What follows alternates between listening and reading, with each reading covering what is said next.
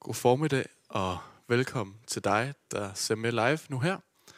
Og også rigtig velkommen til dig, som enten lytter eller ser det her på et andet tidspunkt end her søndag.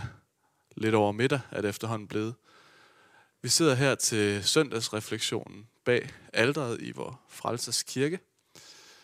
Og i dag til søndagens gudstjeneste, der har vi været sammen om teksten, hvor Jesus han fortæller hans disciple, at de skal sørge, men deres sorg skal blive til glæde. Disciplen de forstår ikke særlig meget af, hvad Jesus siger, men Jesus han insisterer på, at sorgen den skal blive til glæde, og ingen skal tage glæden fra dem. Og det er også den tekst, vi vil være sammen om her i dag til vores søndagsreflektion. Ja. På adskillige hjemmesider, hvis man slår ordet sorg op, så finder man en definition, der siger, at alvorlig sorg, det tager rundt regnet et halvt til et helt år at komme over. Sådan helt videnskabeligt, så snakker man om, at der taler om en proces, en tid, hvor hjernen og kroppen reagerer så anderledes, så langt væk fra normalen, at den store sorg, den eksisterer. Og det gør den så efter sine i alt mellem et halvt og et helt år. Og det er selvfølgelig en sandhed med modifikationer. Man skal ikke kende til meget sorg fra sit eget liv for at vide, at det til dels rummer noget sandt, nemlig det, at sorgen faktisk bliver mindre med tiden, men at det også er alt, alt for rosenrødt at sige, at al alvorlig sorg, vi skulle opleve, skal være væk inden for et års tid. For noget tid siden, der læste jeg en artikel om en kvinde. Kvinden her, hun havde mistet sin mand. De havde været gift i 26 år, havde for et år tilbage holdt sølvbryllup, var glade for hinanden og glade for livet. Og hun havde et godt arbejde, nød sin fritid og levede et lykkeligt ægteskab. Og så pludselig, så dør manden af et hjertestop. Uventet. Som et lyn fra en klar himmel mister hun den, hun har levet sammen med det meste af hendes liv. Og et vi blev til et jeg. Eller det vil sige, at hun faktisk nogle gange stadig omtalte sig selv som et vi. Men på papiret var det ikke tilfældet. Et vi var et jeg, og hun havde mistet sin ægtefælle. Kvinden beskriver, hvordan hun ikke længere kunne overskue sit arbejde, og fritiden, det var bare blevet en konstant påmindelse om, at den plads, der stod der, hvor manden plejede at sidde, den nu bare var alt, alt, alt for tom. Sorgen, den fyldte det hele. I begyndelsen, der var der ikke en krog af hendes liv, hvor sorgen den ikke trængte ind. Og hun beskriver, hvordan det kendte ordsprog, sorgen er hjemløs kærlighed, føltes mere sandt end noget andet. I begyndelsen, så var der en masse omsorg at hente fra både venner, familie og kollegaer, der sagtens kunne se, at det hun gennemgik, det måtte være noget af det værste, man overhovedet kunne opleve. Og det varede også i hvert fald et par uger, måske en lille måned. Men efterhånden som tiden gik, så forsvandt den naturlige omsorg. Hun oplevede, at folk på job sagde til hende, at nu måtte hun efterhånden også være kommet over det, og det vigtigste, hun kunne gøre, det var bare at komme videre. Hvor tabet og sorgen, den blev normal hos hendes omkringværende venner og kollegaer, så blev den det ikke for hende. Hun levede stadigvæk med sorgen helt inde på livet.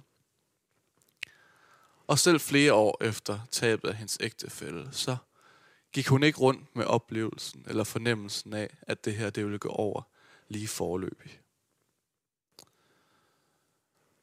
Eller tag den unge studerende, som en mørk aften er blevet ramt af en bilist, og pludselig skal til at vende sig til et liv, hvor dagene bliver brugt i en kørestol. Man ikke længere kan gå, ikke længere kan løbe. Sorgen over den slags ting forsvinder næppe inden for et års tid.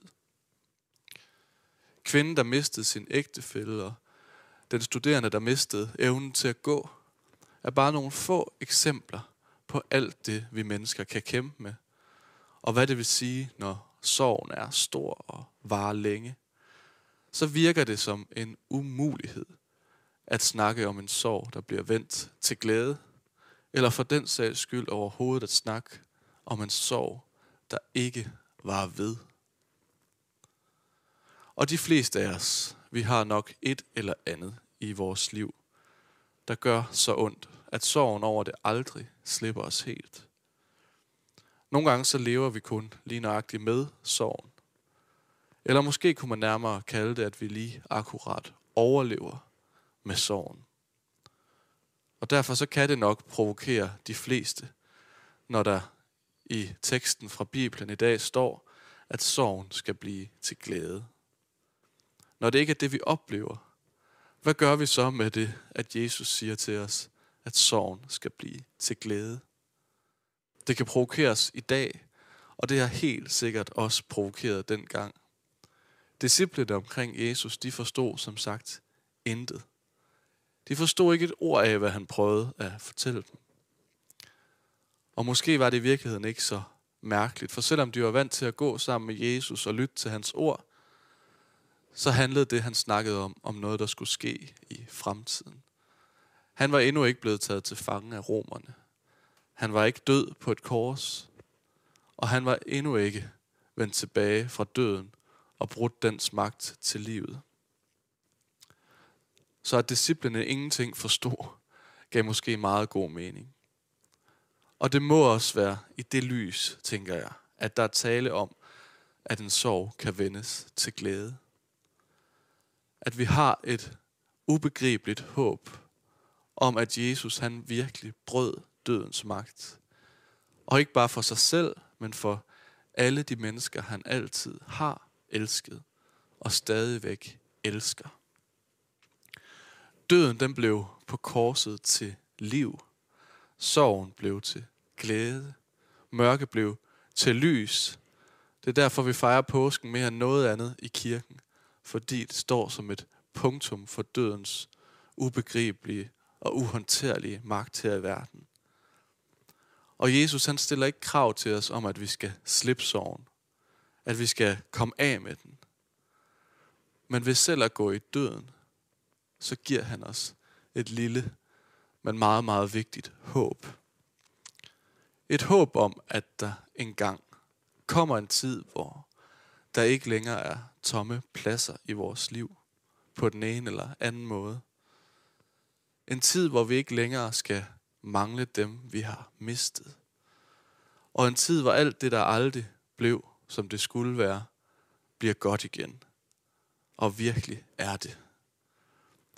At Jesus han døde på korset og opstod fra døden, det er verdens historiens største og eneste lykkedes forsøg på at slå hul på vores skal, der omgiver vores liv. Og definitivt at vende døden og ondskaben her i verden til liv og håb. Og det betyder ikke, at sorgen over at have mistet nogen, eller sorgen over at mangle nogen, eller noget her i livet, ikke eksisterer.